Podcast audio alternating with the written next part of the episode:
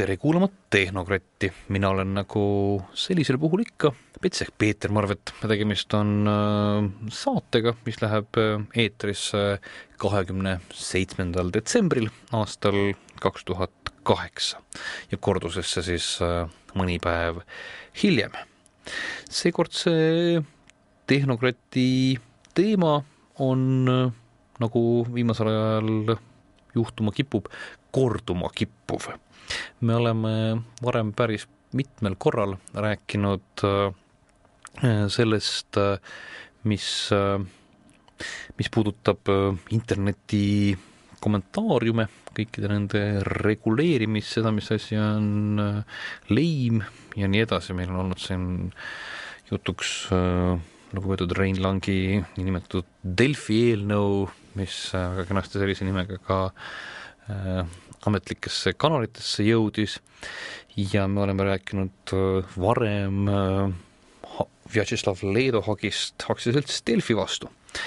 ja minu seekordne kolleegium, kellega me seda arutame, on äh, kõigepealt Daniel Vaarik, kellega me sattusime sellel teemal väitluses Danieli ühes blogidest siis on mul äh, seltsiks äh, Villu Otsman, kes äh, nimetatud juhtumiga seoses esindas Delfit ja meiega peaks mõne hetke pärast liituma ka Leedu esindaja Ants Nõmper. aga me üldse ei kavatse rääkida pikalt ja põhjalikult antud juhtumist või antud kohtuasjast ma tahaksin äh, lugupeetud äh, juristide ja lugupeetud meediakonsultandi või mis asi sa oled, suhtekonsultant? no jah, võib nii öelda, ma arvan, et võib-olla selles kontekstis on huvitavam isegi kasutada sotsiaalse meedia õppejõud või? midagi sinnapoole jah, minu rolli Tallinna Ülikoolis, et kus ma ennast sellel alal täiendan.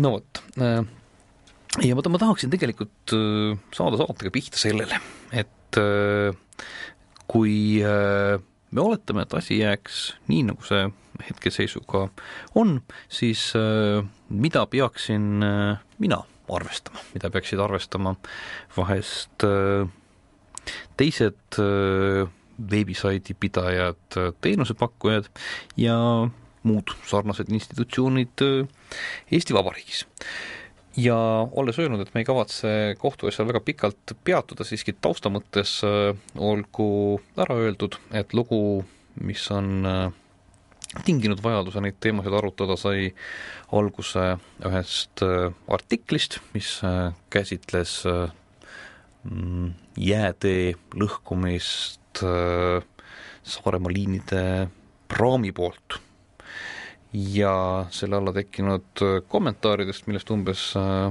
kahesajast kommentaarist umbes kakskümmend äh, tekitasid lugupeetud härra Leedos erinevaid tundeid, ükski neist polnud tema väitel meeldiv.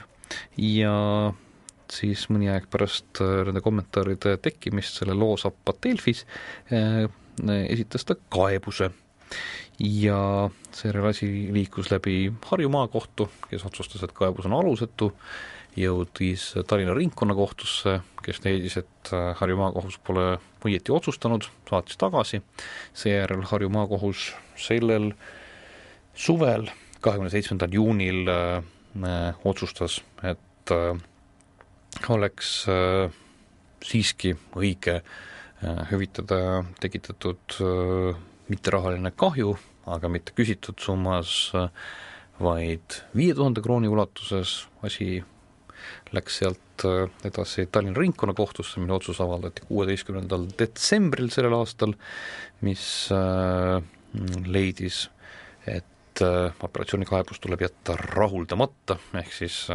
maakohtu viimane otsus on õige, on juba ka avalikult teada, et selle kohtuasja tee sellega ei koole, vaid läheb edasi Riigikohtu poole. Villu, üldjoontes on vist niimoodi selline kokkuvõte korrektne et ja, niimoodi, niimoodi, niimoodi, niimoodi liikus ja see on nagu siis hetkel olukord ja kui me natukese kommenteerime seda viimatist otsust, siis me võime vist selle kohta ka öelda niimoodi, et et kuna on oma äritegevust harrastav Delfi, siis Delfi peaks oma äritegevuse harrastamise käigus jälgima, et teiste kodanike põhiseaduslikud õigused ei saaks rikutud ja ainus võimalus on selleks, on see, kui ta kõike, mis sinna netti satub, aktiivselt kontrollib. kas see tõlgendus on niisugune niimoodi rahvapärane mugav, mugandus on enam-vähem õige?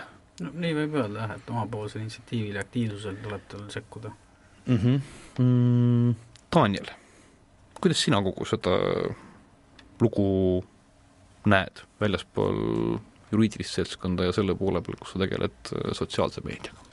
ma usun, et see on ühe suundumuse näitaja ja võib-olla ei ole kõige parem just, et see nüüd läks, lahtimäng läks Vjatšeslav Leedo väravalt, sellepärast et see lisandub sellele väga palju erinevaid selliseid dimensioone, et, et see Leedo, Vjatšeslav Leedo juhtum on iseenesest noh, keerulisem, kuna ta, tema suhted avalikkusega on mitmes muus mõttes ka keerulised. Ta on noh, inimene, kes on meediaga olnud äh, sellistes äh, võib-olla mitte kõige sõbralikemas suhetes ja ta on äh, kõvasti, kõvasti mõõku ristanud erinevatel teemadel ja siis vahepeal vahepeal võib-olla rohkem ära kadunud orbiidilt, aga see lõpptulemusena tähendab, et need muud asjad käivad sellega kaasas ja võivad hägustada selle ühe protsessi tähendust aga samas on see võib-olla jälle täiesti iseloomulik, et just äh, inimene, kes ei tundnud ennast äh, võib-olla liiga populaarsena, äh, osutus selleks, kes lõpus haaras kätte ja läks kohtusse. miks ma arvan, et see on trend, on see, et ma arvan, et et järjest rohkem me hakkame nägema, kus netikeskkonnas välja öeldud asju või igasuguses elektroonilises keskkonnas välja öeldud asju käsitletakse kui täiesti reaalselt füüsiliselt koha peal välja öeldud asju. me näeme, et need asjad lähevad samasuguseks. ja ma arvan, et kommentaarium ongi selline fenomen, mis tuleb lihtsalt sellest, et inimesed ähm, inimesed arvavad, et see on mingisugune kergem koht, et see on koht, kus sa ei pea mingisuguseid äh, äh reegleid järgima, mis sa muidu igapäevases elus järgiksid ja ma arvan, et sellised Leedo-sugused näited, igasugused teistsugused näited, need hakkavad sagenema. et see on esimene asi, mis on minu jaoks väga, väga huvitav jälgida, et, et kuidas ta seekord siis selle pretsedendina läheb, aga ma olen täiesti veendunud, et viie või kümne aasta pärast äh, meie kommentaariumidki näevad teistsugused välja, meie identiteet internetis näeb teistsugune välja ja ma usun, et selline asi, nagu ma täna, noh, praegu just tegin lahti Delfi, esimene kommentaar ühe arvamusliidri äh, sõnavõtule on äh, punaprofessorite vingumine on kui muusika. et ma pakun, et, et sellist asja hakkab vähem olema, aga äh, see eeldabki valulisi protsesse, millest äh, üks on võib-olla nagu meil silma all, aga neid tuleb veel ja neid tuleb üle maailma väga erinevatel kujudel. No üle maailma üldiselt on kippunud äh, asi liikuma sellesse suunda, et äh, teenusepakkuja pühib oma käed puhtaks, kuni ta, kuniks ta tegeleb piisavalt operatiivselt sellise protsessiga, nagu seda on notice and take down, mis ei tähenda mitte seda, et märka ja võta maha vaid äh, see notice on seal kohapeal teavitus, ehk kui keegi teavitab, siis tuleb äh, maha võtta. Või näed sa ka selle poole pealt äh, erinevaid? ma näen väikest erinevust siin, aga ma ei tea, ma ei ole nüüd ka kõiki asjaolusid alati jälginud, aga ma olen üles kasvanud nagu sellises arusaamas, et inimese vabadus on nagu väga tähtis.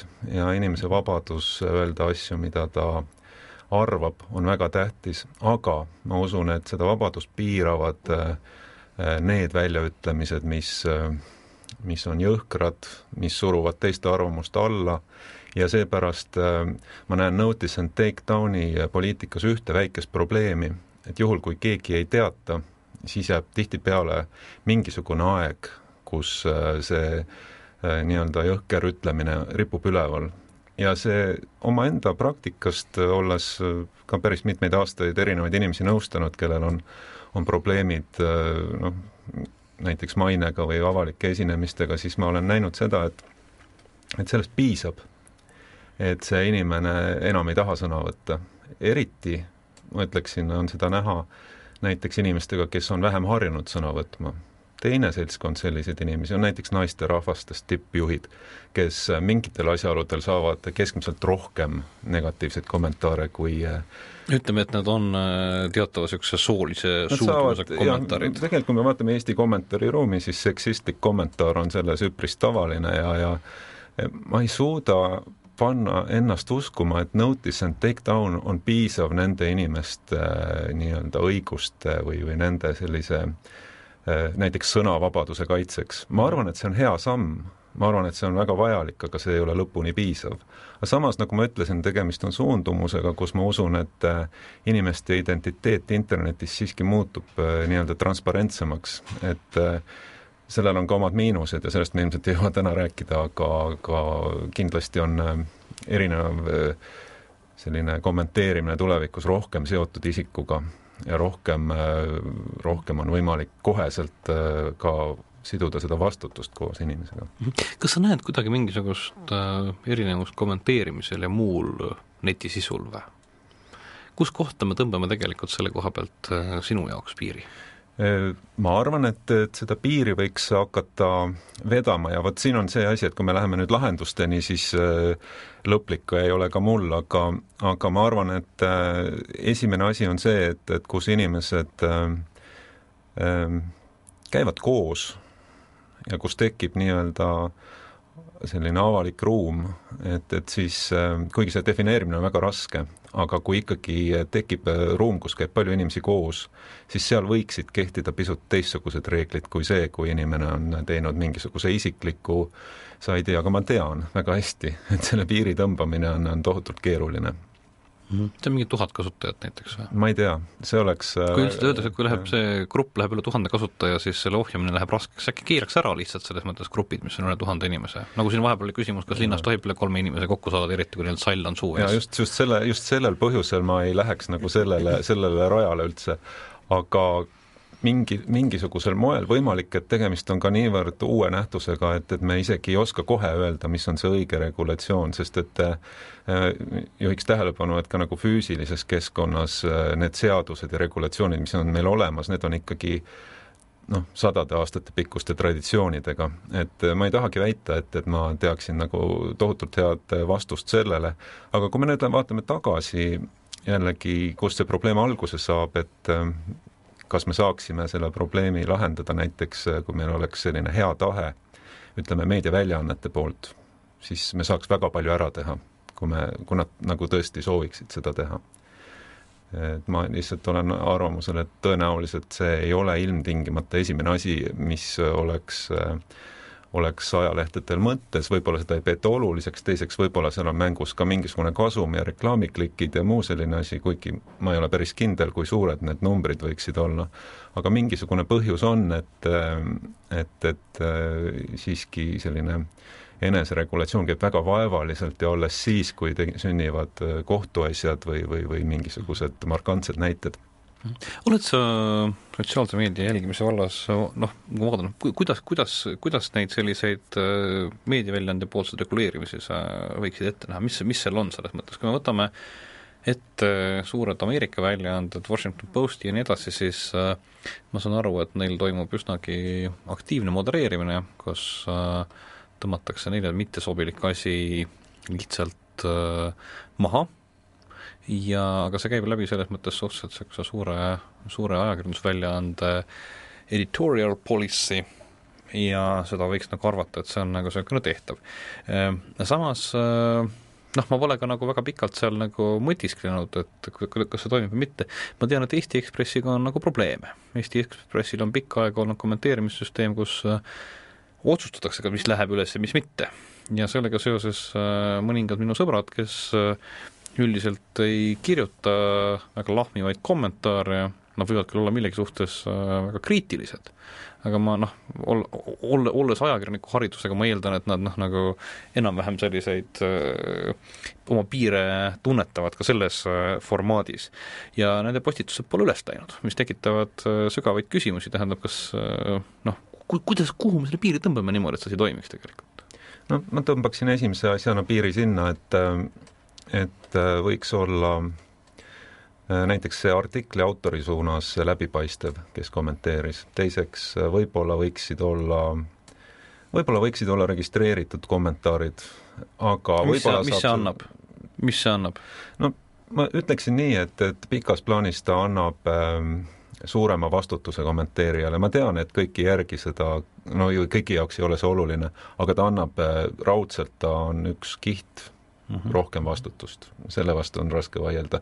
ma olen ka näinud, et äh, Eesti Päevaleht, kellel on registreeritud kommenteerijad, et ega seal nagu väga suurt vahet ei ole nendele, kes mina on registreeritud mina isiklikult sellel hetkel, kui nõuti registreerimist, ma lõpetasin lihtsalt selle üldse igasuguste kommentaaride andmise ära, sellepärast et Äh, millegipärast nad sellega seoses tahtsid, et ma ütleksin neile oma elukohta ja telefoninumbrit ja kõikvõimalikke muid asju, ma ütlesin, et mingite kuu taha tähendab. no see on no, natuke teie, teie, teie, teie soov teha turu-uuringut seoses äh, kommenteerimisega on küll äärmiselt huvitav intellektuaalselt, aga noh, nagu no, see on see, et ega, ega see ilmtingimata üks asi ei tähenda kohe kõiki muid asju, et kui keegi teeb sisse juba lihtsalt registreerimise nõude, et see oleks siis hästi tehtud ilmtingimata, et see, see on üks asi, et kuidas sa seda teed nii et ega, ega see ei ole mingisugune lõplik garantii loomulikult mm. -hmm. Villu mm,, kuidas sina näed?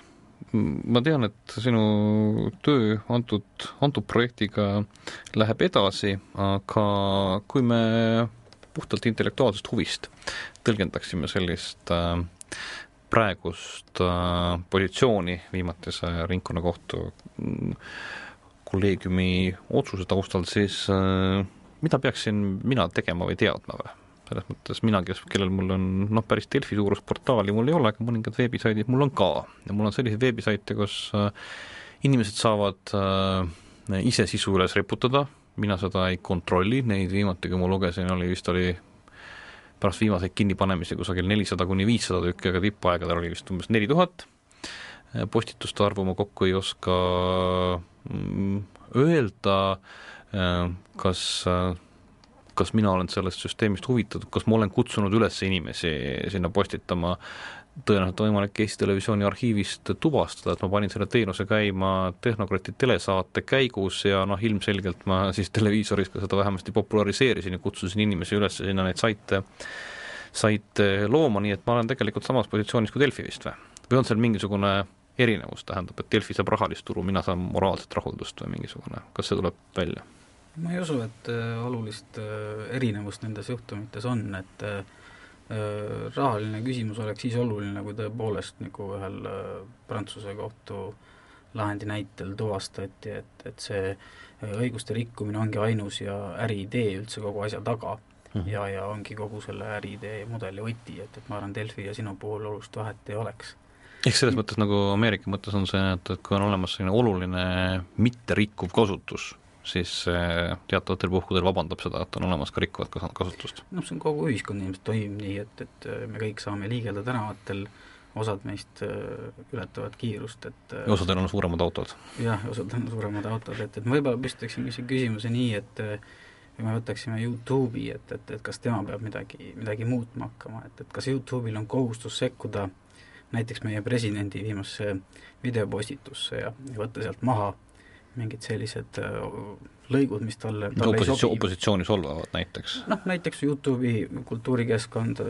ei sobi näiteks selle YouTube'i arvates. et kas tal on selline kohustus? noh, selline organisatsioon, kes niimoodi teeb, on olemas, selle nimi on Apple ja tema application store tema toreda iPhone'i telefonide jaoks ja seal on väga palju küsimusi, et miks mingisugune, mingit asja pole lastud või on maha võetud. et selline küsimused tekivad just, need tekivad ja olen nõus ühe asjaga, mida Daniel nagu ütles, et vastutus on vaja viia nende autorite tasandile. et inimesi tuleb usaldada. inimestele tuleb usaldada nende vabadus. ja, ja just sellisena, et tal on õigus valida. tal on õigus valida, sealhulgas ta võib valida valesti ja selle eest vastutada.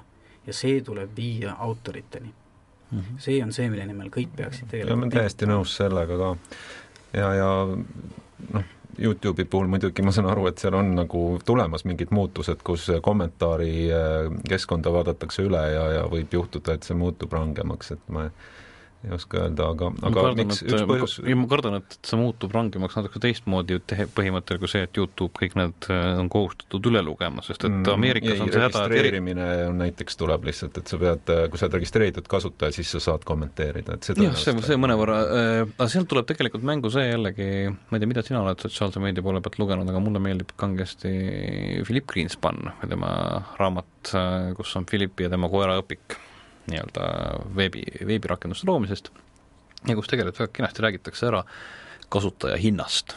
ehk mis on selle kasutaja hind, mis on kasutajate modereerimise hind ja kogu süsteem toimib sellel hetkel, kui ta suudab oma kasutajate hulka modereerida sellisel kujul, mis on noh, hinna mõttes mõistlik ja, ja tõenäoliselt need lahendused, mis Youtube kasutusele võtavad, tulenevad ka kusagilt sealtpoolt võib-olla küll ja muidugi kogu, vot see modereerimise küsimus, enne, enne mul läks sõnasaba ka käest ära ja pealegi ma olin liiga palju järjest rääkinud, aga aga ma arvan, et modereerimine on tõesti üks, üks võti. ja, ja teine asi, mis ma tahtsin tegelikult äh, selle Leedu juhtumi puhul öelda, on see, et äh, mitte, et meil ei oleks seda vastutuse tasandit justkui olemas kasutajal, vaid see on nagu vist selline olukord, mis juriidilises mõistes, ma ei tea täpset terminit, on siis, kui on massiline allumatus et mitte keegi ei pea mingisugusest äh, seadusest kinni, see ei ole sisuliselt normiks saanud ja seda ei ole võimalik rakendada, sellepärast et allumatus on nii massiline.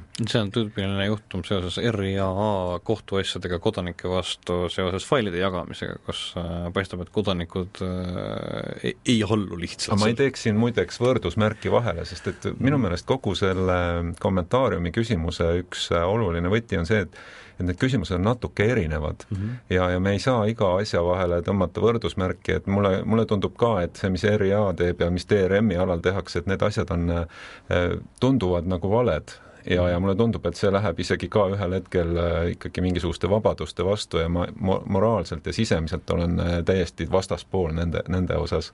aga ma ei saa öelda, et see, mida RIA teeb, kuidagi õigustaks näiteks äh, see, selliseid kommentaare, nagu äh, me Delfist loeme, et, et need ei ole nagu, seal ei ole nagu sellist loogilist otseseost, ma... kuigi need on sama noh, see on hea neid välja tuua ja võrrelda, sest see annab kohe hoopis teise valguse küsimusele, nii et selles mõttes jällegi hea, et, et sa nagu selle siia välja tood.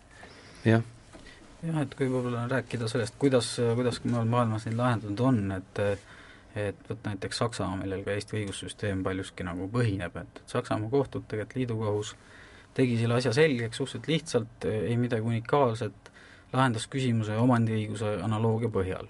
ehk siis lihtsamalt öeldes ei ole vahet, kas sul on ära virutatud sinu väärikus või on sult ära virutatud tallemantel. virutaja vastutab kahju eest, ehk selle rikkumise eest, ehk olukorra tekitamise eest, ja see isik, kelle käes see mantel hiljem on, kes sellest isegi võib-olla sooja saab, vastutab selle eest, ta peab mantli välja andma, ehk siis selle olukorra lõpetama. ehk siis portaalipidaja saaks vastutada selle eest, et kui tema poole pöördutakse, siis ta lõpetab selle olukorra, aga ikkagi autorile peaks jääma see vastutus, et keegi on solvatud mm. -hmm. aga hetkeolukorras, kus äh, seniste otsuste baasil on näha, et äh, peaks olema nagu siiski mantli omanik peaks kuidagi sellega tegelema, et tagama, et mantel on legaalne ja ei riku, tema mant-, tema mantli kandmine ei riku kellegi teise äh, õiguseid, siis äh, mis ma peaksin nüüd tegema hakkama? selles mõttes, et ma olen äh, oma teenustega hädas ju. mul on, ma olen nagu katmata tagumikuga, öeldakse selle kohta vist või? Noh, ega siin on lõppkokkuvõttes alati see, et, et teine küsimus, mis võib-olla ei ole äh, ju õiguslikku lahendust ei annagi, on alati konkurents, et, et et selles mõttes me ei peaks usaldama mitte ainult äh, neid äh, kommentaari autoreid ja nendele enda sõnavabaduse, vaid me peaks usaldama ka kasutajaid, et nemad valivad välja need portaalid, mis jäävad tegelikult ellu, mille keskkond on selline, mis, mis, mis enamusele, kes, kes sealt neid reklaame loevad ja kellele reklaamiraha on suunatud, nemad jätavad ellu õiged portaalid seda küll ei usu eriti. eriti turutõrke piirkonnas nimega Eesti Vabariik, kus on, tähendab, see, kes esimesena, esimesega, esimesena mingisuguse sellise piiri ületab, siis äh, see ka edasi läheb. aga Tehnokrit teeb selle koha peal ühe pisikese pausi ja peagi jätkame.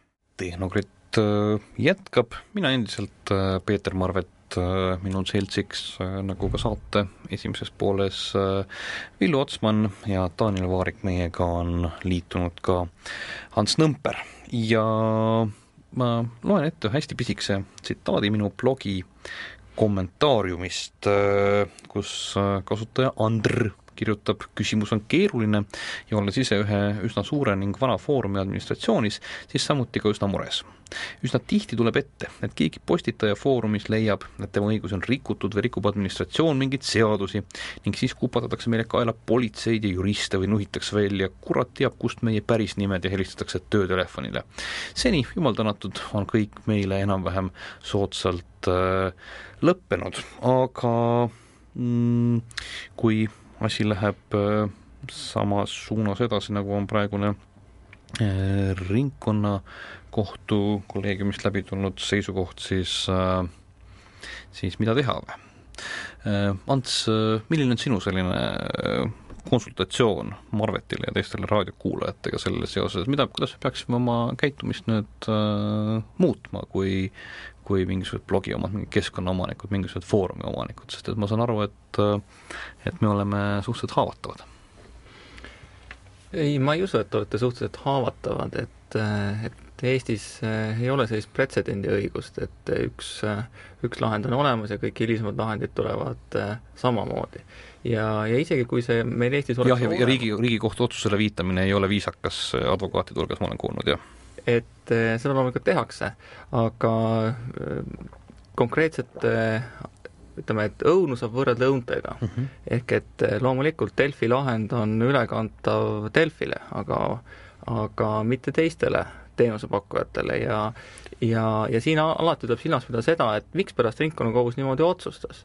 et, et me oleme kindlasti palju rääkinud sellest notice and take down mehhanismist, tegelikult mida tahab meile ringkonnakohus äh, öelda, on see, et et äh, Delfi oli teadlik, et sellised kommentaarid igapäevaselt ilmuvad ja ei võtnud mitte midagi ette selle vältimiseks.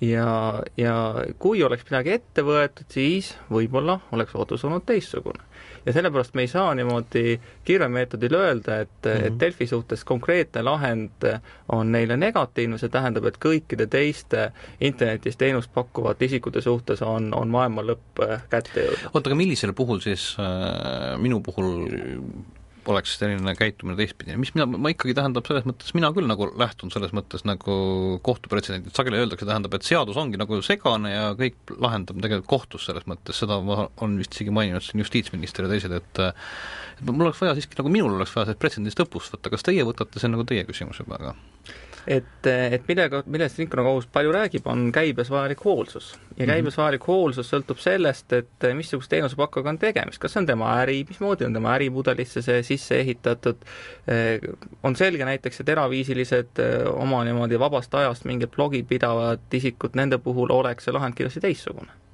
et mm, -hmm. et on, juures on hästi palju minul on see asi, et mul on nagu mittetulundusühing Tehnokratt, mis peab ühte teenust ja äh, kohtuotsust on paljuski kordades läbi jooksnud äh, seesama viide sellele, tähendab, et Delfi on kutsunud üles sinna inimesi kommenteerima, mina lansseerisin selle telesaates, ka selgelt kutsusin inimesi sinna kommenteerima. kas ma sellest kasu saan, noh, ma ei peaks seda, kui ma mingit kasu sellest ei saaks, eks ju, vähemasti selline moraalne rahuldus on mul sellest äh, olemas, palju ma Delfist erinen sellega seoses?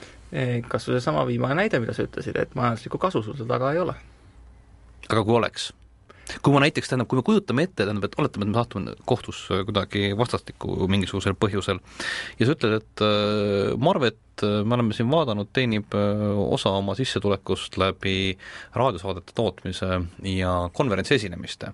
ja kas see oleks tal üldse võimalik, kui ta ei äh, katsetaks sotsiaalset meediat, millest ta tegelikult, äh, äh, millest ta tegelikult räägib ja mida ta õpetab, vaevalt meil on võimalik otseselt sistu, siduda Marveti poolt üleval hoitavad teenused, mis on nii-öelda jutumärkides tasuta, tema poolt saadava tasuga.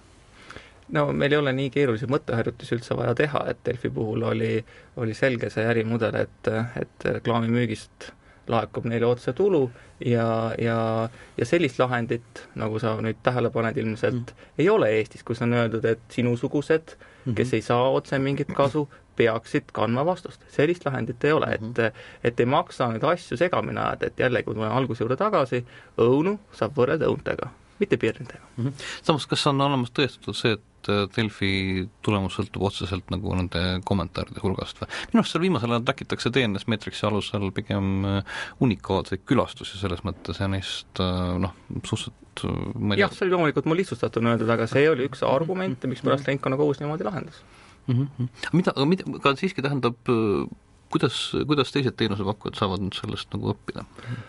Noh, kui me võtame konkreetselt kommentaariumid, siis võiks tegelikult õppida täpselt seda, mida ka Eesti ajakirja, ajalehtede liit oma viimases soovituses ütleb, et võiks karjutusele võtta erinevaid meetmeid, kas me kontrollime IP-aadresse ja varasemaid patustajaid ei lase enam kommenteerida, palkame mõne moderaatori, rakendame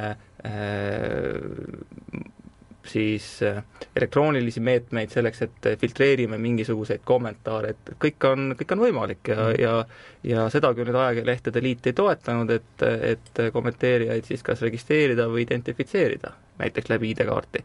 aga, aga meetmeid on mitmeid, et asi on lihtsalt selles, et Delfi mm -hmm. neid ei kasutanud ühtegi Delfis on tüüpiline sama lahendus, mis jookseb igal pool mujal maailmas, mis on seesama äh, teavitamislahendus, eks ju et noh, sest, sest kui sa võtad ette siinsama filtreerimisküsimusi, siis äh, tulles tagasi vanade heade sõprade Citroeni ja teiste juurde, siis äh, noh, seal nagu noh, üldiselt on nagu USA-s on nagu suhteliselt veenvalt ja seejuures mitte tehnoloogide, vaid ka selles mõttes nii-öelda nagu juristide poolt äh, jõutud arusaamisele, et need tegelikult need filtrilahendused ei toimi, eks ju. Kindlasti nad sada protsenti ei toimi, aga, aga Nad tekitavad rohkem probleeme kui äh, kui toimimist? noh, Eestis tekitab probleeme rohkem praegu see, et mitte midagi ei filtreerita, et miks ei filtreerita, selles mõttes kõikides portaalides on peal no, nimekirjad sõnadest, mida me hakkasime vaidlema mm, -hmm. ei olnud seda peal. kas, kas tõesti ei olnud või? Oli, oli. tähendab, see, see, tähendab, filtrid on olnud peal äh, aastaid, kui te võtate ette Minut.ee diskussioonid, siis sealt on toodud välja, mida filtreeritakse ja nii edasi, kui te vaatate inimesi, kes lähevad filtritest äh, mööda, siis te märkate samuti selle kommentaariumis päris sageli seda, ja seda päris ammu. ja samuti selle koha pealt äh, tuletame meelde küsimust ühe noorteteemalise saidiga, kas oli Ameerikas vist, kus äh, igapäevaselt tegeleb äh, toimetajaskond sellega, et lisada filtrisse uusi sõnu, mille noored on mõelnud välja selleks, et äh, väljendada ennast ebatsensuurselt. Et see, see nagu noh, nagu on tõestatult ei toimi ju. Ei no on tõestatud juba see, et Delfi ei kasutanud äh, neid äh, vahendeid, et sellest on ka kohtuotsuses, kohtuotsuses juttu, et meil ei ole mõtet nagu selle üle vaielda, et kas Delfi kasutas seal kohtuotsuses oli juttu sellest, et äh, kohus leidis, et vahendid ei ole piisavad, tähendab aga seda, et filtrit ei kasu-, kasu-, kasutatud, selle kohta ma küll just teksti ei leidnud, aga okei. Okay.. sa oled päris kindel, et ei kasutanud või? No see oli üks, üks läbivaid argumente, et, et kui need seal mingid filtrid seal olid, siis, siis no need oleks ka, ka viienda B inimene suutnud paremaks kirjutada, sest need sõnad, mis sealt oh, väga hea, aga meil, meil oleks, meil oleks vaja nüüd siis tähendab mingisugust eesti keeles ilmselged roppused, mille pärast mm -hmm. ei saa üldse, me ei saa kahtepidi mõelda, et kas neid peaks näitama või mitte kuna Ants Nõmper kirjutas mulle pärast salvestust ja avaldas veelkordselt kahtlust selles, kas Delfil ikka olid filtrid, siis loen siia jupikesed Tallinna Ringkonnakohtu tsiviilkolleegiumi otsusest, äh, sellest kohast, mis võtab kokku Harju maakohtu otsuse põhjendust. tsiteerin ostja on käesoleval juhul püüdnud vähendada hagejale tekkivat kahju halvast kommentaarist teatamise võimalusega ja kommentaaride eemaldamisega, on rakendanud tehnilise lahenduse, mis välistab automaatselt teatud vulgaarsete sõnatüvede kasutamise ning kutsunud üles halvast kommentaarist teavitama. Need katsed on jäänud kohtu hinnangul siiski ebapiisavateks. tsitaadi lõpp. ehk filtre on, aga sellest ei piisa. jätkame stuudiost. aga kas, kas kusagil on olemas mingisugune nimekiri roppustest, mis tuleks kinni keerata konkreetselt või? Ei, ei pea, ei peagi olema seda, et äh, on, igalühel on ju terve mõistus olemas, et, et me saame aru, millega on roppus ja millega mitte, on terve hunnik mm -hmm. sõnu, mis on piiripealsed, mille puhul me seda mm -hmm. ei saa, aga aga, aga need peaksime tegema selles mõttes sellesama seitsme sõna reegli, mis on Ameerikas või? seitse sõna on vähe või? Palju, palju, Ameerikas on seitse sõna on tegelikult eetris keelatud, eks ju, ja on viiesekundine seesamunegi või seitsmesekundine viivitus ka selleks, et neid oleks võimalik välja lõigata, eks. kui sa nüüd praegu meile ette loeksid, siis pärast kostaks eetris viis piiksu või seitse piiksu meil ei ole, meil ei ole föderaalset kommunikatsioonikomisjoni, kes oleks sellise otsuse langetanud, et on seitse sõna, mille vältimisega on võimalik tagada ühiskonna täielik kombelisus ja kõlblus. aga kuidas see, kus see nimekiri on, palju, palju neid on? tähendab, kui me kui me ära keelame, siis tulevad ju järgmised ju ega seda nimekirja ei olegi olemas, aga mm -hmm. ega mhm. see, et nimekirja pole olemas, ei tähenda, et ei pea mitte midagi tegema. et aga seitsme sõna keelamisest on ilmselgelt ei piisa, eks ju? kindlasti mitte uh. -huh, uh -huh. aga no mis ma siis peaksin tegema, peaksin tegema mingi komisjoni, kus ma otsustan, et äh, kus määratakse see, et, et noh, mul on olemas protokollid, tähendab, ega paljuski nende küsimuste taga on see, et kuidas tagada selline nii-öelda due diligence, eks ju, et ma olen teinud kõik, mis on minust sõltuv, eks ju mm. -hmm. mul on mingi noh, ISO üheksa tuhat kvaliteedijuhtimissüsteemi juurutamine näiteks Delfis, eks ju, olemas komisjon, mis käib, ütleme, kord kvartalis koos ja otsustab, et millised sõnad on ebaviisakad ja need kantakse siis kuhugi sisse, see nimekiri avalikustatakse. seda nimekirja ei tohi avalikustada ka või? et aga või tohib, või tohib või? Oi, miks ei tohi seda avalikustada? seda, seda tohib, eks, eraldiseisvalt, et tähendab, et on sõnad, mida ei tohi kasutada näiteks ütleme inimeste kohta. ei, aga, aga, aga seda, need sõnad on keeles olemas, et me ei pea mm -hmm. neid, me võime õigekeelset sõnaraamatu kas või välja võtta ja ja vaadata, mis sõna on öeldud sõna iseloomuste kohta, on vulgaarne taga või mitte, et aga, aga seda ei pea tegema mitte keegi, et, nagu sa ise väga õieti ütlesid, due diligence tähendab tegelikult kohast hoolsust käibes vajalikku hoolsust ja seda kohus ka tuvastas, et Delfi ei ole käibes vajalikku hoolsust järginud. see, milline on käibes vajalik hoolsus, seda ei öelda mitte üheski eluvaldkonnas mitte kellegi lihtsalt ette. no sellepärast äh, ma küsingi sinu käest, et kuidas mina saan olla käibes nüüd äh, hoolas, kui me oletame, et äh, on olemas oht, et minu, minu hallataval territooriumil, kus isegi mina ei kirjuta neid postitusi, aga ma olen sisuliselt üles kutsunud inimesi sinna veebisaite tegema, inimesed seal kirjutavad midagi kas seal või, või keegi nende kommentaariumisse lisab midagi vulgaarset näiteks ja ja, ja kuidas, milline peaks olema minu poolt selline korraldatud süsteem, et, et see nagu toimikski, et veel kord, neid meetmeid on mitmeid, et ma juba Ajalehtede Liidu asja tsiteerisin mm, -hmm. et on eelnevat filtreerimist võimalik kasutada mm, -hmm. järgnevat filtreerimist, neid on mitmeid, et siin ei tule keegi mm -hmm. ette ütlema, see oleks ettevõtlusvabaduse piiramine, kui me ütleksime, et mm -hmm. kui kohus ütleks, et täpselt seda peavad kõik tegema. et see on jäetud igale ühele, tulevad uued tehnilised vahendid, uued nipid, kõike on võimalik kasutada, aga asi on selles, et tuleb midagi kasutada. põhimõtteliselt tähendab, et see, kui mul hetkel on üleval soft, mis äh, mis äh, võimaldab ilma kontrollita midagi sisestada, siis tegelikult see on probleemne, eks ju? see võib olla probleemne,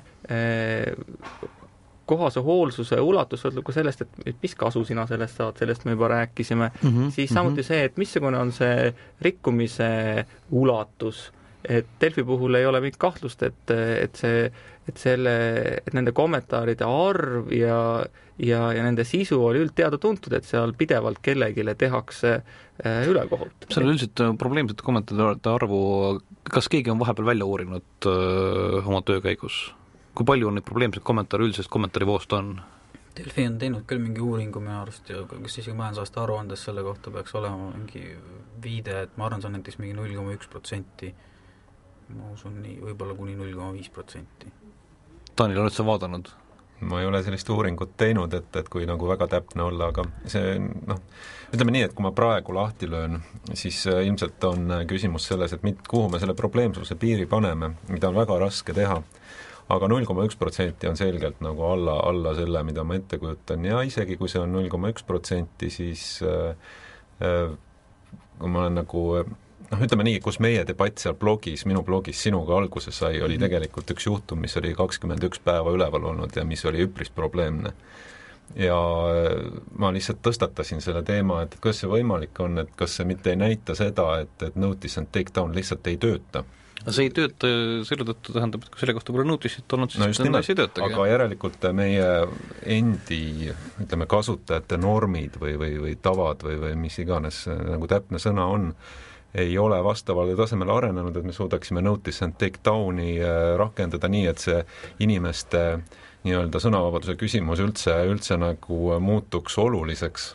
ja, ja see oli see, kust ju kogu, ähm, kogu teema mõnes mõttes ka alguse sai äh, meievahelises vestluses mm. -hmm. nii et, ähm, et ähm, ma ütleksin, et, et see noh, võib-olla tõesti ma ei taha selles kohtuasjas küll kummalegi poolele asuda ja, ja, ja nii edasi, aga aga, aga võib öelda, et selline mulje on küll selle, sellelaadne, et, et see pingutus võiks olla suurem ja mitte ainult Delfis, ma ei taha kuidagi ka ühte mm, -hmm. ühte väljaannet välja tuua, sest et see võib-olla ei oleks õiglane lõpuni jah, ei ma, ma olen ka üldiselt ühiskonnapoliitiliselt seisukohal, et äh, Eesti ühiskonnal läheks palju paremini, kui meie erinevad meediakanalid teeksid oma tööd oluliselt äh, paremini aga seda sügavalt ka väljaspool puhtalt ainult kommentaariumi. kas me mitte ei olegi täpselt selles olukorras, kus äh, me ei saa öelda, et üks või teine asi ei tööta mitte sellepärast, et nad on valed või õiged, vaid sellepärast, et me isegi ei tea, kui hästi neid rakendatakse.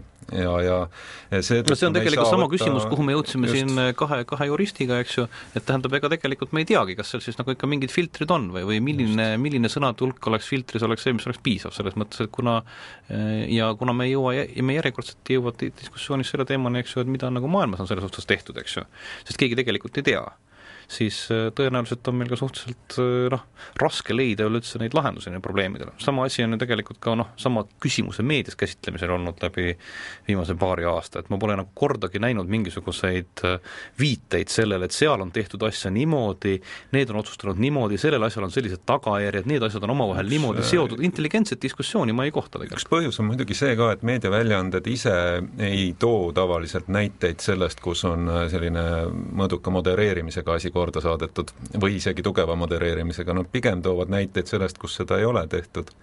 nii et äh, no me oleme siin rääkinud ka Postimehest äh, Jaanus Lillenbergiga, kus tegelikult on, ma ütleksin, et äh, suhteliselt tugev moderatsioon, kaasab kasutajaid, kaasab toimetust, ja positiivse poole pealt äh, ma, ma pole kunagi Postimehes kommenteerides tunnetanud, et sellega on nagu mingisugune noh, probleem.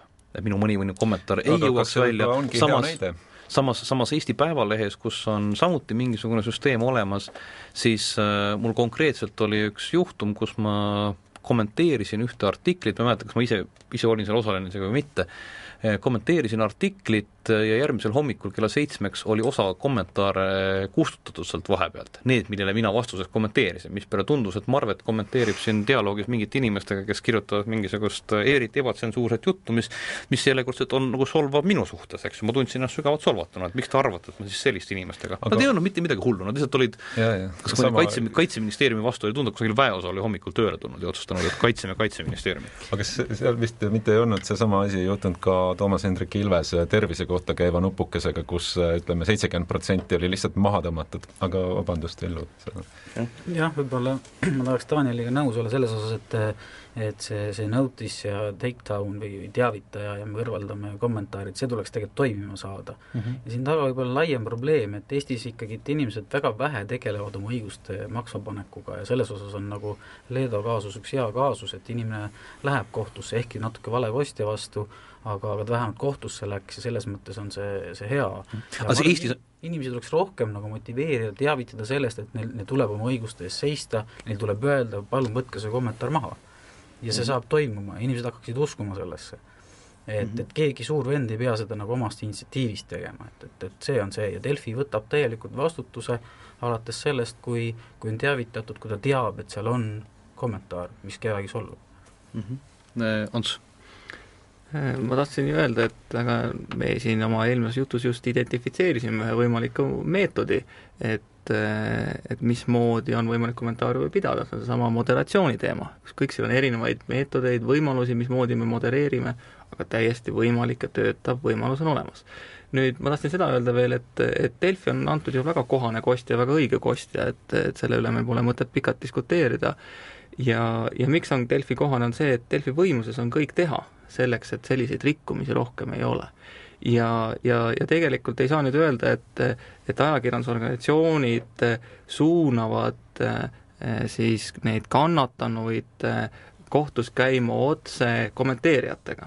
tegelikult see Eesti Ajalehtede Liidu eh, viimane seisukoht, et see on selles suhtes, on noh, õiguslikus mõttes mina ütlen, et see on täiesti jabur, sellepärast et, et kui ma tahaksin teada saada kommenteerija IP aadressi, selleks, et üldse hakata identifitseerima ja loota, et ma jõuan kellegiga välja, keda siis kohtusse kutsuda, siis kas te teate, mida ütleb eh, hea tava selle kohta? ei tea. No siis ma valgustan natuke, hea tava ütleb, et, et me ei anna seda välja mitte kellelegi, välja arvatud kohtule või siis politseile. kui meil on seal, ütleme, rõve sõim internetis üleval kommentaariumis, me juristidena hästi teame, et see ei ole laim ega, ega so-, ega, ega mingi muu kriminaalkuritegu. ehk et politsei juurde pole mõtet meil üldse pöördudagi, sealt tuli mingit abi. järelikult ainuke võimalus jääb pöörduda kohtusse ajakirjandusorganisatsiooni vastu ja nõuda nende IP-aadressi et, et ma ei saa nagu sellest jutust aru, et me väga toetame seda, et ja käiakse otse kommenteeriva kohut, aga aadressi välja ei anta. tähendab, selles mõttes on, kui on pöördutud ka, kas, kas meil nii-öelda neid John Doe case ei ole või? sa võid pöörduda vastavalt pärast, pärast Delfi eelnõud on meil seaduses minu arust sees võimalus, et me võime pöörduda kohtu poole, kui minu au või kuulsust on äh, riivatud. Ja kohtul äh, on täpselt samuti need õigused üksikpäringu käigus, mis toodi Delfi eelnõuga sisse, nõuda neid andmeid välja, kas ma eksin? sellisel juhul me peame algul hagema Delfit ei, ei, ei, ei, ei, seal on konkreetselt on küsimus selles, et tähendab, vaata eh, kohtul on õigus küsida ka koha kolmandatelt osapooltelt mingisugust Jaa. informatsiooni, kui mina peaksin teadma midagi selle asja kohta, mis on, ütleme, Leedu ja Delfi vahel, siis on tegelikult õigus kohtul nõuda ka minu käest. ja samuti, kui peaks olema eh, kellelgi asja minu kui tundmatu kommenteerija vastu, siis on kohtul õigus nõuda see informatsioon välja Delfi käest, on nii, eks ju? Et aga asi ongi selles, et hagis peab olema ära märgitud kost ja kostjaks ei saa olla Eesti John Doe. kas pärast Delfi eelnõud ei ole seda asi muutunud või?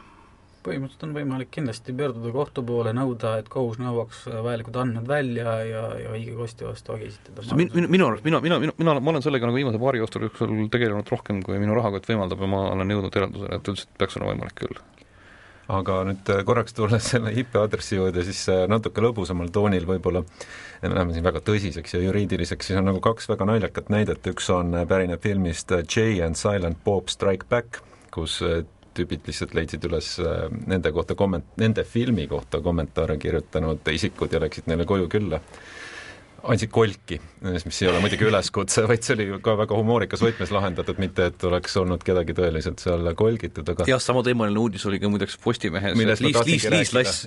Liis Lass sai kuskilt kätte IP-aadressid ja ilmus samuti ukse taha kohale, aga selleks, et ja mitte nüüd seda esimest näidet rõhutades, vaid tuues võib-olla selle Liis Lassi näite, et selline asi saaks võimalik olla, mis minu arvates on nagu hea asi, selleks ongi vaja seda suuremat läbipaistvust ka näiteks kas või artikli autori suhtes, kui ma olen nagu artikli autor, et ma tean, kes kommenteeris minu artiklit näiteks. või siis ka otseselt äh, selles artiklis viidatud inimeste või intervjuus viidatud inimeste või, või nende teemadel, et ma usun, et seal peaks olema toimetuses mingi protsess, mis ütleb, kas on õigustatud, et me anname selle IP aadressi just sellele inimesele välja. ma ei tea, kuidas see suhestub üldise andmekaitse ja delikaatsete isikuandmetega, see ei ole minu ala, aga kui see võimalik oleks, ma arvan, et see suurendaks sellist äh, autori üksikvastutust jälle ühe, ühe sammu võrra, ma ei ütle, et see on nagu maagiline lahendus, et nüüd on, pärast seda on kõik korras. aga see viiks selle sarnasemale olukorrale, mida minu meelest Villugi viitas, et tegelikult noh, reaalses elus on nii, et, et seni, kuni sa midagi kurja pole teinud, ei pea sind ilmtingimata kohe mingisugune suure vennaga jälitama, aga samal ajal, kui sa oled seda teinud, siis see transparentsus reaalses äh, tänava olukorras on suurem. ja sellesama transparentsusega tegelikult isegi, isegi küsimus on selles reeglina, kui sa vaatad, mida tehakse, siis äh, ei pruugita välja anda alati seda konkreetset IP-aadressi. näiteks nii-öelda Slashdoti Minute tüüpi portaalid, kus on võimalik IP-aadressi järgi näha sellesama kommenteerija teisi kommentaare, äh, mis tegelikult loob sellele inimesele teatava sellise noh, reputatsiooni taha, siis ma juba näen, kas tegemist on mingisuguse mõttetu lahmijaga või mm, -hmm. või maksaks temaga üleüldse edasi minna. samas Vikipeedia mis on selles mõttes väga huvitav läbipaistvuse näide, kus anonüümsed kommentaatorid ongi esindatud, nende kasutaja nimeks ongi nende IP-aadress, äh, mille peale on ehitatud väga mitmeid äh, huvitavaid tööriistu, mis näitavad, millised organisatsioonid on käinud muutmas äh, nende kohta käivaid artikleid ja nii edasi, tähendab, et seal on nagu noh, nagu neid, neid tööriistu on tegelikult väga, väga mitmeid. ükski neist paraku ei välista seda, et mingil hetkel ei satuks netti Äh, probleemset informatsiooni no,. nagu tavaeluski, aga kui tohib, siis ühe kommentaari ma lisaks veel ja mis läheb jälle kokku pisut Villu jutuga, pisut Peeter sinu jutuga mm, -hmm. et kui sa ütled, et, et miks Eestis ei käsitleta neid asju sisuliselt, siis ma arvan, et siin ongi natukene sellist silostumise küsimust ka, et mõned inimesed teavad võib-olla väga palju mingisugustest seadustest, mõned teavad internetist, aga vähe on selliseid inimesi, kes teaksid mõlemist. ja, ja see läheb tavainimese puhul eriti keeruliseks, sest et ma arvan, et Eestis ei, ei ole palju inimesi, kes isegi teaksid oma põhiseaduslikke õigusi. Ma arvan, et nad ei tea, et, et, et põhiseadus annab meile tegelikult suurepärased äh, vabadused ja, ja et mis on selle noh, ilma neid paragrahve nimetamata, et mis on minu õigused selle järgi. et suvalise vaidlusega me võime väga kenasti jõuda tagasi, tulla tagasi põhiseaduse juurde, selle alusel kontrollida, kas see vaidlus tegelikult ma arvan no, küll. mis on tegelikult ka, millele Ants eelnevalt vihjas, et, et mis, mis meie õigused ja seal on ju ka paragrahv nelikümmend viis vist, mis ütleb, et äh, on vist nelikümmend viis, mis ütleb, et, äh, et järgnevad seadused, mis, mille, mis siis nagu põhiseaduse järgi on loodud, peaksid või võivad tagada olukorra, kus sõnavabadus, kui ta ei riku kellegi teise õigusi, on nagu, nagu tagatud, aga sellest hetkest, kui ta hakkab kellegi teise sõnavabadust näiteks rikkuma, siis on juba võimalik mingisuguseid sanktsioone rakendada. Olemata jurist, siis võib-olla ma loodan, ma mingit viga siia ei teinud, aga see on asi, millest ma olen alati ise mõelnud, et, et see ongi vabaduse alus. aga oota, kuida-, kuidas me nüüd jõuame sellest äh, silostumisest äh, välja, silo ei ole ähvardus kellegi äh, suunal ja viidatud millegi niimoodi väga peeneks hekseldamisele, ma igaks juhuks rõhutan, vaid silod on need tornid, eks ju ja see, kui inimene mõtleb, igaüks mõtleb oma selle vertikaalse silo sees või oma torni sees, siis sellest tekib igasuguseid probleeme. Äh, mis siis oleks, milleks tegelikult oleks vaja seda, et noh, Marvet on äh, vabatahtlikult oma aega pühendanud üsnagi palju sellesse, et üritada endale juuraküsimusi selgeks teha, kuidas me saaksime äh, juuraseltskonna selleni, tähendab, et vähemasti kui te tegelete selle teemaga, siis te nagu selle poole need võimalused ja lahendused endale selgeks teeksid. mis seal oleks? ma saan aru, tähendab, et Eestis on parasjagu inimeste vaba aeg jõudnud niivõrd kaugele, et on tekkinud seltskonnad, kes siin rohkem-vähem tegelevad roheliste ideaalidega, eks ju see, millal tekivad inimesed, kes hakkavad vabatahtlikult tegelema finantseerima ettevõtmisi, mis tegelevad sõnavabandus, sõnavabaduse ja, ja kodanike õigustega, äh, nagu Ameerikas on Electronic Frontier Foundation ja mitmesugused muud toredad organisatsioonid, no sinna läheb veel, veel nähtavasti mingisugune valgusaasta vähemasti äh, aega. Ja äh, meie turu suurust arvestades ma ei ole üldse kindel, kas me jõuamegi kunagi sinna. mis tähendab, et noh, reaalselt on vist ainuke võimalus midagi maale tooma hakata või? kuidas meil õnnestuks niimoodi EFF maale tuua niimoodi, et et äh, juristid sellest nagu, seda nagu tõsiselt võtaksid? EFF-i jälgite, ei jälgi? on raske diskussiooni selle koha pealt jätkata. see on organisatsioon, mis äh, üritab äh, saada aru äh, õigus- ja tehnoloogiamaailma kokkupuutes tekkivatest äh, erinevatest äh, probleemidest, mis osa on seotud autoriõigusega, osa on seotud täpselt samasugustega mingisuguste küsimustega, näiteks ma arvan, et seesama mm, praegune diskussioon otsapidi jõuab teemale, see cyber slap oli selle kohta see termin välja mõeldud ja nii edasi, sealt leiab neid, tähendab neid teemasid. kuidas me saaksime niimoodi, et te nagu paati tuleksite? mida teha? Ma saan aru, see ei ole nagu konkreetne niisugune küsimus, mida on võimalik erialaselt vastata, aga niisugune fantaseerige. ma arvan, et kõigepealt eh, konkreetne kohtukaasus üldse nagu halb äh, asi tõmmata mingisuguseid üldisi paralleele. aga ma näen selle taustal lihtsalt seda puudujääki, ma tahaksin, et see puudujääk kuidagi ära kaoks ja ma ei kavatse sind sellepärast kohtusse kaevata, tähendab, et sa ei ole neid raamatuid lugenud, mida mina olen lugenud, eks ju, see nagu noh, ei ole ka lahendus, eks, aga mis, mis, mis oleks lahendus? võib-olla, võib-olla kordan võib-olla seda endist mõtet veel korra üle, mis minul on, ma arvan, see ei ole ainult äh, infotehnoloogia ja, ja modernse, ainukese, selles mõttes modernse mm -hmm. suhtlemise küsimus, vaid see on, see on laiem küsimus äh, nii-öelda Eestis üldse, et kui palju oma õiguste eest tegelikult seistakse ja kui palju oma õigustest natuke aru saadakse ja kui palju tegelikult äh, meie siin ja, ja, ja, ja alates äh, ka, valitsusest ja muust usaldab oma kodanikule, et ta saab oma õigustest aru tegelikult ja, ja ta oskab nende eest seista, kui palju nad oma käitumise ja asjadega me väljendame seda, et inimesed on võimelised oma tegude eest vastutama. no ega, ega. Electronic Frontier Foundation ei tule meile õpetama meie põhiseadust vaherepliigiks lihtsalt. see tõenäoliselt saab juhtuda siis, kui meil tekib mingisugusel hetkel mõni jurist, kes on nõus nagu selle poolega ka tegelema vist või? et äh, ma arvan, ekspertteadmist on alati võimalik hankida, küsimus on, küsimus on lihtsalt äh, finantseerimises, ma arvan, et see ei ole, see ei ole probleem, aga küsimus on Füüri on nagu eelmise nädala lauset võttes. aga, aga vaja on viia minu arust just see, see, see on vaja, ühiskonnas on vaja seda usaldust, et äh, iga üksikinimene on vaba valima ja oma valiku eest vastutust kandma Mm -hmm. ja, ja kui see tekib, siis sealt hakkab kõik, sinna peale saab ehitada kõiki asju üles nagu advokaatide ekspertteadmisi, head suhtlemist äh, siin internetikeskkonnas või seal ja, ja see, see on edasiviiv jõud minu aga arust. mul, mul, aga mul, meil, meil on vaja ennem seda saavutada, tähendab, et see igasugune ekspertseltskond nagu noh, nagu saaks aru sellest valdkonnast, kuhu nad on sattunud ka eksperdiks ju. kohakaasluse alusel vähemasti. jah, et, et ma arvan, et äh, me olime vist peaaegu et aasta tagasi ka äh, seda mm. -hmm. saadet tegemas ja siis ei tahtnud üldse kuulda, et äh, et kuidas üldse selline mõttemaailm, mida ma tookord juba esindasin mm, Mhm. -hmm. üldse võimalik olla mm. Mm -hmm. ma väga tänan, et sa kutsusid mind veel kord siia, et, et ma arvan, et jää hakkab murenema, et, et nüüd see küsimuse püstitus on juba, juba teistsugune, et selline mõtteviis tegelikult eksisteerib mitte ainult ühe juristi peas, vaid see on kinnitust leidnud ka mitmes kohtus. et mm, Mhm. -hmm. et kohtukaasus on sellepärast halb näide, et kohtukaasustes joostaksegi eh, ühes suunas, et mina jooksen ühes suunas, Villu jookseb teises suunas mm. -hmm. ja sealt ei püütagi tantsupõrandale kokku tulla mm -hmm. aga ma arvan, et Leedo puhul tuleb äh, müts maha võtta, et et, et jää on hakanud murenema tänu sellele kaasusele. kui meil poleks seda kaasust, ma olen kindel, ei oleks meil neid saateid siin praegusel hetkel mm, -hmm. ei oleks meil ajakirjanik, ajalehtede liidu uut tava ja ei oleks meil tegelikult ka niivõrd head eneseregulatsiooni et kuskilt peab hakkama saa-, hakkama asi muutuma ja ma arvan, et see kaasus muutis seda asja. ma tahaksin ka lisada, et esiteks, kui me räägime juristidest, siis minu meelest selles saates on nüüd kaks juristi, kes on selle teema endale ikkagi üpris hästi selgeks teinud. teiseks, need asjad, millest me siin räägime, on üpris keerulised juba mm, -hmm. et kui sa vaatad, mõni, on riike, kus võib-olla ei ole selleni absoluutselt veel jõutudki, et, et üldse, üldse tunda seda valu noh, kommentaariumidest või rääkida üldse mm -hmm. mingisugustest mm -hmm. põhiseaduslikest õigustest seoses seoses internetiga.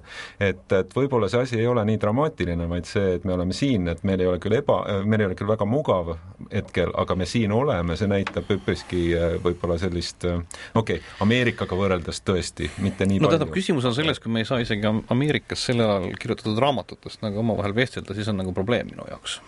see tähendab seda, tähendab, et et me tähendab, me, me, me me oleme, me peame ennast mingisuguseks e-riigiks, me tegeleme kõik mingisuguse valdkonnaga, me aga, aga, aga meid, meid, meid kedagi tegelikult selles mõttes ei koti ja kusjuures ma ütlen, ma, ma tegelikult, ma olen, ma olen saanud ka eelmisel aastal väga, väga hästi aru teie, teie liini sellisest tegevuspõhimõttest. millest ma siiamaani ei saa aru, on see, et miks, miks inimesed, kes tegelevad juuraga, ei ürita leida nendele asjadele lahendust, nii nagu on need inimesed, keda ma Ameerikast näen, kes üritavad leida, tähendab, saada asja, asjade sellisest suuremast kontekstist aru, kes on tegelenud selle küsimusega, et saada aru, mis on võimalikud lahendused, mis on lahendustega seotud probleemid, eks. sest et noh, minu jaoks on oluline, kui ma peaksin kellelegi lahendust pakkuma, et see ei tekitaks nagu suuremat probleemi, kui on eelnev, eelnev olukord, eks ju. tähendab, vähemasti mina konsultandina olen üritanud ennast niimoodi platseerida, see, ma olen juba ammu näinud, see ei ole majanduslikult mõtestatud meetod majanduslikult mõtestatud meetod on soovitada seda, mis pähe tuleb, eks ju, ja siis loota, et kusagilt tuleb mingi järgmine konsultant, kes probleemi lahendab. jah, ütleme siin selle õigusliku lahenduse korra veel ära, et, et et, et mida, mida ma selgitasin varem ka pikemalt, et, et väärikuse rikkumist tuleks samamoodi kohelda nagu muud omandirikkumist mm. -hmm. ja mm, -hmm. ja, ja, ja väga lihtsalt seal peitubki see õiguslik lahendus mm. -hmm. ja, ja ülejäänud kõik juba see, kuidas inimene ise tahab oma omandit täiendavalt kaitsta mm -hmm. või mitte, see on juba kõik tehnoloogia küsimused. selles punktis aga Tehnokrat lõpetab ning sedapuhku ilma traditsioonilise lubaduseta järgmisel nädalal jätkata saate tegemine on olnud mulle tore hobi ning ligemale viissada saaret vähemalt mind palju targemaks teinud. ja vahest ka kuulajat. paraku on üks tarkus ka see, et kogu sellest jutust ja heategevuslikust ajakulust on masendavalt vähe tolku olnud. mis ka on paslik võtta kuulda Kädi Riismaa poolt ühel konverentsil küsimuse vormis esitatud palvet. Pets, kas sa ei võiks paariks aastaks puhkust võtta, me ei jõua sulle muidu kunagi järele. ning sellest lähtuvalt siis vähemalt mõneks ajaks pilt kotti panna seda nii raadiosaate kui muudes vormides e-propaganda mõttes. kui kellelgi on konkreetset nõu vaja millegi ärategemiseks ja valmisolek selle eest ka raha maksta, siis leiab mind mõistagi endiselt Google'ist. ning minu lugemissoovitused saavad endiselt ilmuma mu välismälus ehk blogi RSS söötes. võimalik, et tekivad ka mõned ebaregulaarsed intervjuud podcasti formaadis, sest muuhulgas on lõpetamata plaan käia läbi Eesti IT-ajaloo osalised. ehk siis kohtumiseni mõni teine kord mõnes teises kohas. Seniks aga nagu ikka, lehv-lehv ja muusikaline lõppsõna Chris Reelt. I m gone fishing. I got me a line. Nothing I do's gonna make the difference. So I'm taking the time